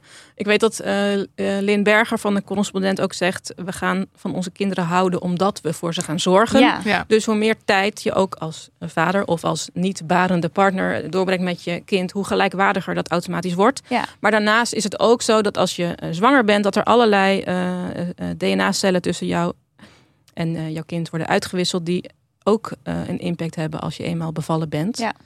Eh, dus daar kom je denk ik niet aan. Maar goed, natuurlijk is het, zit het voor 99% zit die gelijkwaardigheid in de tijd die je denk ik met je kind doorbrengt. Ja. Ja. Ja. We, we kregen, nou ja, eigenlijk denk ik precies deze vraag. Spelen de maatschappelijke verwachtingen rond moeders een rol in Jantines kinderwens? En zo ja, hoe? En ik denk dat je dat, want dat is het dan toch ook, toch? Hier staat, ik twijfel zelf namelijk, en dit is een ding dat me erg benauwt, het vergrootglas waar je onder komt te liggen. Ja, Iedereen die een mening heeft en Ja. het feit dat ik nu al weet dat ik niet wil conformeren aan die verwachtingen, Mhm. ik hou bijvoorbeeld ook van mijn werk en haat het huishouden. Dus ik zou Ja. zomaar, shock horror, een ouder kunnen zijn die haar kind vier dagen per week naar de opvang brengt, om maar iets te noemen. Ja. En dit is overigens niet de enige reden dat ik twijfel, maar het speelt een grote rol. Ik zit ermee en ik vind het ook moeilijk om er met mensen over te praten. Want in het kader van verwachtingen, mijn moeder en schoonmoeder willen overduidelijk niets liever dan een kleinkind. Ja, ook spreken het niet letterlijk uit, maar toch. Mhm. Dus ja, een twijfelgesprek voeren is dan lastig. Liefst een twijfelende honingbal die vruchtbaarheidstechnisch niet veel twijfeltijd meer heeft. Mm. Oh ja, ook nog. Ja. Ja. Ja. ik moet nu ook denken aan die eh, eh, overheidscampagne. eh, waar nu zoveel eh, eh, terechte kritiek op is. Dat eh, er vrouwen wordt opgeroepen om eh, Meer wil je fulltime te gaan werken. laat werken. Terwijl eh, niemand eh, vervolgens heeft een soort plan over wat we dan met die kinderen gaan doen. Ja. Eh, er is Eerst, niet- eerst zijn we al heel, bo- ik heel boos over geweest in deze Lydia had podcast. ook al een fantastische slogan bedacht. Namelijk een echte vent is zorgwerk gewend. Nou, precies. Of we gaan de kinderopvang Maar gratis inderdaad, die kinder, ja, de kinderopvang is hartstikke duur. Dat schrijf je Ja. toch ook dat je even inzicht kreeg in de, in de, de hoe, heet, hoe heet dat? Een soort kasboekje, kastboekje. van iemand. En dat iemand zei 2000 euro kinderopvang per maand. Per nou, Je maand. valt helemaal van je stoel als je dat hoort. Ja. Als je zelf geen kinderen hebt die bij de opvang zitten. Ja, ik weet dat... Maar- eh, oh, sorry. Ja, nou, wat ik vervolgens, een kleine angst die ik ook heb, is zeg maar, want ik denk dan ook altijd, oh ja, maar je kind kan natuurlijk ook gewoon naar de opvang. Mhm. Ik neem jullie even mee in mijn twijfelproces. Maar dan denk ik vervolgens, je hebt ook kinderen die trekken dat heel slecht. Dus zeg maar het idee van, oh joh, dan gooi ik mijn kind even naar de opvang. Er zijn ook kinderen waarbij dat helemaal niet zo makkelijk werkt. En dat vind ik dus ook weer een angstaanjagend idee. Want die gaat inderdaad altijd uit van een soort super sociaal, oh ja hoor, die kan daarheen, die kan je meenemen daarheen, kind. Terwijl dat weet je natuurlijk niet. Nee, je hebt geen idee wat Niet eruit dat jullie hier nu een soort eh, op moeten Oplossing? reageren hoor. Nee, maar dit is gewoon iets wat dan ook weer in mijn hoofd Ja, dat eh, is denk ja, ik dat is, speelt. en dat is een onderdeel van mijn eh, twijfel. Niet alleen de vraag eh, wat voor moeder word ik en, en eh, hou ik mezelf als mens nog overeind naast die rol van moeder, maar natuurlijk ook de vraag wat voor een kind krijg ik eigenlijk. Ja, Het is nogal een eh, gok. Je hebt Ja. geen idee. Ja. Het kan een heel leuk kind worden, het kan ook een heel vervelend kind worden. Ja, ja. Maar ehm, staat ook op mijn lijst. Het Ja. staat allemaal op mijn lijst. ja, ehm, die vraag van eh, eh, over de maatschappelijke ja, verwachtingen. En, hoe, en, en, en wat voor moeder wil ik zijn en eh, eh, hoe kijkt de wereld erna en eh, is de wereld daarmee eens? Volgens mij, die vraag geldt ook eh, voor mij andersom. Ik denk dat als je besluit om geen kind te krijgen, Dat heb je ook te maken met maatschappelijke... dan heb ik heb wel ergens een stemmetje in mijn hoofd dat zegt: Oh, maar als je geen kind krijgt, dan moet je wel eh, heel andere belangrijke dingen gaan doen. Ja, heel, nou ja, het zingevingstuk. Het Ja. is natuurlijk, ehm, dit gaat raar klinken, makkelijk om voor kinderen Ja. te kiezen. En dat, Mhm. nou, nogmaals, ik wil niet onderschatten. Het, Mhm. Een kind krijgen is enorm en heftig en het is heel ingewikkeld en kost veel tijd en alles. En het is geweldig als je die taak op je wil nemen, want we hebben ook echt kinderen nodig, dus go Mhm. mensen. Maar het is, geeft je natuurlijk in één klap duidelijkheid. Dit is hoe mijn jaren eruit zien, hoe mijn weken, hoe mijn dagen, hoe mijn minuten er misschien zelfs uitzien. Vooral in die eerste tropenjaren, in die eerste 18 jaar misschien ook zelfs wel. Weet je wel, je hebt de, de school en dan dit en dan zo en dan zus en we vieren kerst. Want ja, je gaat heel erg mee in al die dingen Mhm. die bij een kind horen. En als je geen kind hebt, ja, dan moet je dat dus eigenlijk allemaal maar zelf gaan lopen invullen. Ja, en dat, dat is zeg maar, de, het, het, het is iets leuks en iets stoms, allebei. Ja. Want ik kan Ja. me dus voorstellen dat, je, dat, je, dat het heel benauwend is om te weten hoe de rest van je, van je leven eruit gaat zien. Ja, dat is Of misschien ook wel een beetje te, te kort door de bocht, Maar maar, ja, precies. Op een bepaalde manier heel benauwend, Ja. want je wordt erg gebonden. En op een bepaalde manier ook heel erg eh, Gewoon duidelijk. duidelijk en vertrouwd. Mhm. En, En je eh, weet ook, whatever ik doe, ik heb dat kind. Ja. Ja. En daar heb ik eh, alles voor gegeven of gedaan. Of daar hou ik zoveel van. En dat is dan jouw ja, En, purpose. en nog of los zo. van de structuur kan ik me voorstellen dat er ook nog de vraag in de lucht zweeft van mag je als kinderloze vrouw wel gewoon een doorsnee Een doorsnee leven saai, leven en zonder gewoon- grote dingen. Geen Ja. schrijver worden, Nee, Jantien. precies. Geen, Geen hongers, grote- geen hongersnood oplossen. Nee, gewoon... geen wereldvrede. Dat is Nee. allemaal niet... eh, Ja, dat je is leeft het- gewoon je leven. Mag dat? Ik denk dat veel kinderloze vrouwen zich eh, vaak eh, moeten verantwoorden. Of nou niet moeten, maar dat eh, die vraag krijgen. En het Mhm. gevoel hebben dat ze zich moeten verantwoorden over wat zij met al hun zeeën van tijd doen die ze overhouden door geen kind op te voeden. Terwijl, Ja. wat is er mis met gewoon het leven leven? Ja, niks. Nee. Nee, er is niks mis mee. Maar ik kan me wel voorstellen dat het... ehm, Kijk, ik heb in ons werk bijvoorbeeld heel veel zingeving ja, gevonden. ja, ja. Eh, maar als jij een baan hebt waarbij je denkt, ja, dit is gewoon, ja, ik, weet, ik, zit gewoon dit te doen, dat is het. Ja, ik heb Ja. er weinig gevoel bij. En in de rest van je leven misschien, oh, ik kan me ook helemaal verliezen in marathons rennen en weet ik veel wat allemaal. Maar als je dat dus niet hebt, dan kan een kind misschien wel precies dat wel geven. Ja, nee, dat snap ik wel. Maar ik heb het meer over dat mensen dan gaan opleggen van... oh, dan moet je wel iets heel belangrijks doen. Als jij gewoon ja. als, als, als mens dan zonder kind zeker. Nee, natuurlijk. heel tevreden bent met gewoon je baan en je dingen, prima. Laten we het even hebben over spijt. Ja, Want Mhm. daar kregen we veel vragen over. heel veel. Dus ik ben bang ehm, Dat ik spijt krijg. dat ik spijt krijg Ja. als ik wel. Wacht, ik wil Niet- nu geen kind, maar ik ben bang dat ik later spijt krijg dat ik geen kind wil. Ja. Ik ben bang dat ik spijt krijg als ik wel een kind heb. Alle tweede kanten. Dat, dat- ik denk dat dat eh, angst voor spijt het begin van mijn hele boek eh, is geweest. Ehm, want het begon natuurlijk met het idee: er is voor mij een soort absoluut, absolute perfecte keuze. En ik moet erachter zien te komen Welke het is. welke het is. Ja. En dat ga ik nu onderzoeken. En ik, en ik hoop bij, eh, eh, bij optie A of optie B uit te komen. En dan, ehm, dan komt alles goed. Maar dat is nog niet helemaal gelukt, helaas. Nee, heb je nog niet het absolute antwoord gevonden? Eh, nee, maar dat komt, dat is eh, helemaal niet verdrietig hoor. Dat komt eigenlijk omdat ik een veel belangrijker inzicht eh, heb opgedaan gedurende de weg. Namelijk dat er voor mij geen absolute keuze is. Omdat die twee levens helemaal gelijkwaardig en allebei als soms fantastisch en soms kut voelen. Ja.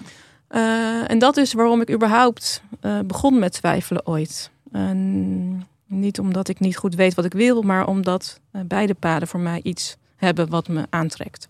En eigenlijk vond ik het een hele besef dat er dus voor mij geen betere keuze is, wel, ehm, eh, is wel, wel eh, geruststellend, hoopgevend en geruststellend. Ja. ja, omdat ik daardoor die, de, eigenlijk, ik denk, ja, het begon dus met, oh, ik ben bang dat ik spijt ga krijgen van een verkeerde keuze. Mhm. En eigenlijk eh, ben ik er inmiddels van overtuigd dat ik door het zo ontzettend goed uit te zoeken en zo te voelen en na te denken en te praten, dat ik daarmee die spijt eh, kan voorkomen. Omdat ik uiteindelijk een beslissing ga nemen.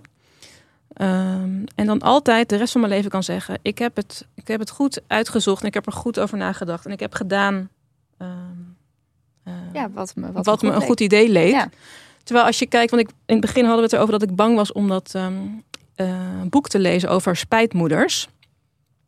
Uiteindelijk heb ik dat boek wel gelezen. En eh, het was eigenlijk heel fijn om het te lezen, want uiteindelijk concludeerde ik, deze eh, vrouwen die eh, moeder zijn geworden en daar nu spijt van hebben, dat zijn stuk voor stuk vrouwen die er niet heel goed over na hebben gedacht. Oh Die ja, het of een beetje per ongeluk zijn geworden, of ze werden door hun omgeving in die rol geduwd. Ja. Ja. Of ze zijn moeder geworden omdat ze dachten dat dat hoorde en dat er geen andere optie was. En dan kan het zijn dat je spijt krijgt. Terwijl inmiddels geloof ik niet dat mij dat nog gaat overkomen. Nee. Wat natuurlijk niet betekent dat je misschien, als je voor het ene kiest, kan, verlangen naar het ja. Oh, zeker. Maar dat Ja. zal een soort, Ik denk- soort melancholie zijn of zo. Of Ik een denk, soort- dat dat, ik denk dat dat een heel belangrijk ehm, ehm, iets is om je te beseffen. Dat als je kiest voor het ene leven, dat je dus automatisch kiest voor een leven dat je niet leeft.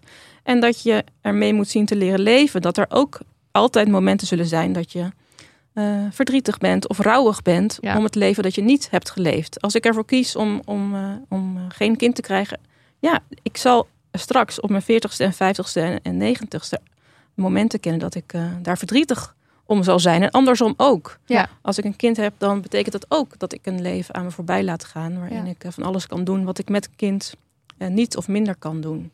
En dat is denk ik op sommige momenten ook pijnlijk. Maar ik denk dat het bevrijdend is om je daarbij neer te leggen en dat te omarmen. Mooi. Ik vond ook dat, ehm, wat je net zei van die spijtmoeders, dat er veel verhalen waren van mensen die waren er soort van ingerold. Ja. Zo van, oh fuck, opeens zit ik hier en eigenlijk vind ik het helemaal niet leuk. Dat jij ook schreef dat je samen met je man echt helemaal, jullie hadden een soort boekje waar je allemaal antwoorden ging geven. Of nou, wat voor normen en waarden wil je je kind meegeven en zo. Nou, vond ik heel leuk om te lezen. Mm. Eh, en dat je toen er eigenlijk achter kwam dat alle mensen om jou heen, die dus kinderen eh, aan het hebben waren, Ja. er helemaal niet zo over nagedacht Ja. hadden. Dat klopt. En dat idee om dat boekje te maken, dat kwam door een vriend van mij die op dat moment bezig was om eh, donor te worden bij een lesbisch stel. En zij wilde toen dat vast laten leggen bij de notaris, de afspraken die ze over die rollen ehm, wilde maken. En zij moesten toen een paar keer, ehm, omdat ze die afspraken wilden vastleggen, met elkaar in gesprek over ja, hoe zien we het eigenlijk voor ons? Ja. En eh, welke verantwoordelijkheden hebben we? Hoe gaan we de zorg verdelen? En toen dacht ik, wauw, wat te gek dat jullie dit gaan bedenken. Ja, Eh, en wat goed. raar dat niemand anders dat doet. Ja. Eh, dus hij bracht mij op dat idee. En ik vind het nu heel leuk om terug te lezen. Maar ook dat je denkt, ja jeetje, we waren er echt wel grondig mee bezig. En inderdaad, eh, al mijn andere hetero vrienden, die keken me echt aan van, meid, doe even kalm. ja, terwijl, nou, ik, vind, vind er best wel wat voor te zeggen. Het is ja. kijk, als je besluit om een kind te krijgen en, en het lukt, ja, het betekent nogal wat. Je kan nooit meer terug. Nee. Dus ja, er valt best wel iets voor. Ik ben heel erg iemand eh, die pro-intuïtie is. Maar in het geval van een kinderwens vind ik er ook best wel wat voor te zeggen. Dat je er gewoon heel even over nadenkt. Nou, zeker. Hoe je het voor je ziet. Maar En dit is wat ik net, net bedoelde met je wordt opgevoed met het idee, Ja. je krijgt Ja. later kinderen. In plaats van een soort van ho, ho, ho. We gaan ook gewoon eventjes nadenken over Wat hoe dit impact. realistisch dan precies in elkaar steekt Ja. allemaal. En we hebben ook wel eerder afleveringen opgenomen over ongelijke werk-zorgverdeling en zo. Mm. En ja, je gaat er gewoon in met het idee, natuurlijk gaan we allebei evenveel doen. Maar als je Ja. daar dus nooit concrete afspraken over hebt gemaakt, dan zou dat zomaar vies tegen kunnen vallen. Ja. Ja.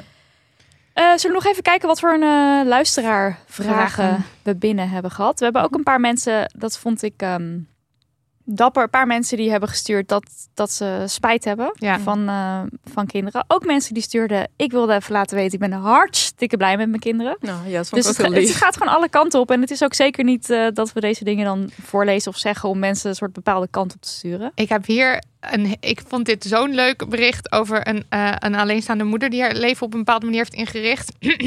ik ben zelf een alleenstaande moeder met een kind van bijna vijf en een goed geregeld co-ouderschap. En ik ben hier fucking blij mee, want ik ben een soort part-time ouder, Ja. waarbij ik het ene weekend kinderplaydates afga in de ballenbak van de stoel bij het en verhaal. Disney films kijk en het andere weekend van god los ga op een festival en bij random mensen in bed beland. Het fulltime krijgen hebben van kinderen is naar mijn idee geromantiseerd en ik denk dat er ruimte zou moeten zijn voor een andere part-time Ja, ja. manier van kinderen opvoeden. Ik ben dol op mijn heerlijke kind en ik ben blij als ze er is, maar ook blij als ze er niet is. Ja. Ja, en dat. Nou, de jaloezie hier. Sorry. Nee, dat klinkt natuurlijk ideaal. Ik weet nog dat ik de eerste keer bij die kinderwenscoach was geweest. En ik had met haar... ehm, zij heeft zelf een best wel eh, progressieve constructie met haar eh, kind en partner. Ze wonen niet samen. En ik was met haar die eerste sessie bezig met... Oké, maar wat voor andere scenario's zijn er nog mogelijk? Ik bedoel, oké, je zit in een relatie... maar laten we eens kijken, wat kan er nog meer? En eigenlijk was mijn conclusie na de eerste sessie... dat er een beetje weinig geluk mee heb dat ik in een goed en gezond huwelijk zit met een man met wie ik samenwoon. Want ja, ik vind er best wel heel veel voordelen eh, in klinken dat je een co-ouderschapsconstructie Ja, voor, opzet. voor mij zou dit bijvoorbeeld wel iets zijn waar, waar Ja. ik dan nog wel het, voordeel van in. Ik Ja. zie dit nog wel gebeuren met met bijvoorbeeld z'n een, tweeën een kind maken. we doen het. Ja, en dan, en dan de ene week vrij, andere week. En dat, dat lijkt me meer doable dan... Ja. Ja. Tuurlijk, ja. Ja. Ik heb wel eens, eh, ik heb op een gegeven moment aan mijn man voorgesteld van oké, maar wat, eh, wat zou je ervan vinden als ik met een andere man een kind krijg? Bijvoorbeeld eh, eh, een gay man die geen baarmoeder tot zijn beschikking heeft. En ik heb met hem een soort co-ouderschapsconstructie.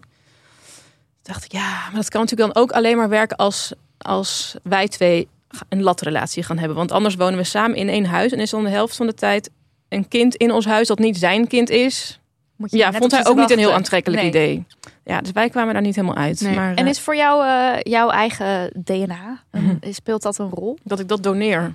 Eh, nou, Oh. voor dat je een kind echt van jezelf hebt. Dat je jezelf Nee. Dus terugziet. je kan natuurlijk ook pleegouder worden. En nee, er zijn allerlei constructies. Ja, zeker. Nee, ik, gedurende het onderzoeken en het schrijven realiseer ik me ook wel dat misschien eh, pleegzorg ook wel eigenlijk wel iets is wat mij Ja, dat je dus wel een rol speelt in Ja. het leven van een kind, wat niet Ja. per se jouw En gek is. genoeg heb ik gewoon heel lang gedacht: oké, je hebt zeg maar een kinderwens, dan krijg je biologische kinderen. En pleegzorg is een soort van de overtreffende trap daarvan. Zeg maar, als je voor, voor andere kinderen wil zorgen, dan Oh, moet je wel dus een hele sowieso- grote kinderwens hebben. Maar dan Oh, zitten zo, dus ja. sowieso, heb jij kinderen, maar er komen dan nog Ja. kinderen bij die... Ja, of je hebt een kinderwens en je, doet, je probeert dat zo lang dat, totdat je denkt: oké, Oh, het lukt ja. echt niet. En dan Dan komt pleegzorg. Terwijl dat is natuurlijk helemaal niet zo. Je kan best wel een zorgbehoefte hebben zonder dat je per se biologische kinderen wilt. Ja. En pleegzorg kan ook heel goed parttime. Je hebt ook eh, weekendpleegzorg of vakantiepleegzorg. Dus het betekent ook niet dat je een ge- een per se getroubleerd kind in huis neemt wat forever bij je woont. Dat Nee. kan ook best wel eh, deeltijd. Dus dat, Ja. ja. dat is best wel iets waar ik ook eh, over na wil denken. Ja, ik Sowieso, vind daar dat mag- biologische ja. dus juist eigenlijk interessant. Oh, dat vind jij leuk, dat je en dat vind ik ergens dus ook heel egoïstisch. Ja, want maar ja, dat vind ik ook wel hoor. Ja, hm. Egoïstisch? Nee, nee, nee. Oh. nee, nee, nee. Vind ik Nee, dus ik wil zeggen, voor mij- heeft. Natuurlijk, ik ben, hartst- ik ben super nieuwsgierig naar hoe een kind van mij Ja. eruit komt te zien. Dat speelt natuurlijk. En ik heb Ja. één keer een droom gehad dat mijn vriend doodging. oh nee. En dat ik toen dus in mijn droom dacht, als ik nu een kind had gehad, dan had ik nog iets van hem gehad. Oh, En dat is nog wel een ge- een gevoel wat Mhm. soms in mijn hoofd zit. Niet zozeer dat ik nou denk dat hij snel doodgaat. Ik bedoel, ik kan ook doodgaan. We kunnen Mhm. allemaal doodgaan. De wereld kan doodgaan. Alles. Mhm. Maar dat is wel dat ik denk, ja, het is natuurlijk wel echt iets bijzonders op dat vlak. ja, Dat dat is je zo. iets achterlaat of zo, of doorgeeft. Ja, je geeft ook wat, je Ja. laat ook wat achter, maar daar heb ik niet zozeer een heel sterk gevoel Ah, bij. ja. Want dat hebben Ja. sommige mensen ook heel erg het gevoel van ik moet Ja. iets achterlaten op deze wereld. Ja. Dat gevoel heb ik dan weer niet. Nee, ik ook Mhm. niet.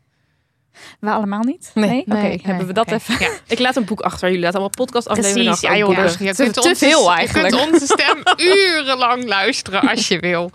Nou, ik, eh, ben jij nog aan het kijken naar vragen? Of eh Ja, ik, ik, ik, scroll er nog even doorheen, maar laten we hem... eh, afronden. Laten we hem afronden, ja. Ik vond het een heel interessant eh, gesprek. Ja. Ik ga er weer verder over na, over na. Gewoon over het hele kinderwens. Zal ik dan maar een keer een pro-lijst gaan maken? Ja. Ik ben benieuwd. Ja, ik denk dat het best. Nou, ik wil daar nog wel iets over zeggen. Want ehm, als ik met vrienden over eh, een twijfelachtige kinderwens praten, dan ja, het gaat gewoon heel vaak over de nadelen. Ja. Terwijl, hallo, we twijfelen omdat ook een deel van ons het wel wil. Ja. Dus Ja. ik vond wel dat ik het aan mezelf verplicht was om in dat boek uit te zoeken welk deel van mij het wil. Ja. En hoe dat komt en wat- wat dat verlangen betekent. En voor mij werkte het heel goed. In mijn boek heb ik een paar keer een brief geschreven aan mijn al dan niet toekomstige kind. En voor mij was dat een hele fijne manier, een soort vorm om dicht bij dat verlangen te komen. Ja. Omdat ik vond, ik moet dat ook serieus nemen en dat aangaan. Eh, want anders kan ik nooit eh, eh, eerlijk zijn en een compleet beeld hebben. Ja, het is Ehm. eigenlijk te makkelijk om eh, heel erg eh, de negatieve kant op Ja. te duiken en dat lijstje te maken en dan het Ja. soort weg te duwen van, nou, nu heb ik erover nagedacht. Het, Ja. het, kan, het kan dat je alleen maar negatieve dingen bedenkt. Maar goed, dan Tuurlijk, is ja. misschien de Dan is het beslissing... Dan is ook het niet wel echt duidelijk. Nee. ja. Nou goed, Eh, mensen gaan alsjeblieft dat eh, boek lezen. Het is prachtig en het ligt nu in de winkel. Soms wil ik een kind. Dank. Dit was aflevering 131. Jantien, heel veel dank voor je wijsheid, voor je boek. Voor je zijn, voor je alles. Heerlijk dat je er bent. Jullie bedankt. Schrijf alsjeblieft nog 68.000 boeken. En kom erover praten Eh, met ons. Ja, want ik vind het gewoon allemaal geweldig. Ik, had echt, ik wilde echt met een markeerstift zo alles tot me nemen. Ehm, show notes van deze aflevering vind je op demoney.nl slash aflevering streepje 131. En daar vind je een paar dagen na het verschijnen van de aflevering ook het transcript. Eeuwige dank aan onze steun en toeverlaten Daniel van de Poppen, de editschat, Lucas de Geer, de jingleschat en Lisbeth Smit, de websiteschat. Bedankt transcript Cluppy, Paulien, Juna, Yvonne, Imke, Melissa, Paula, Pieke, Guusje, Tess en Maaike. Amberscript, hallo, ja ook bedankt. Amberscript is de transcribeersoftware die we gratis en voor niks mogen gebruiken. Stuur post naar info.demoney.nl. En eh, als je een aalmoes of drie kunt missen, steun ons. Vanaf een euro per maand kan dat al via petjeaf.com slash. En als je denkt van nee, ik wil dat niet, dan doe je het niet. Nee, zelf weten.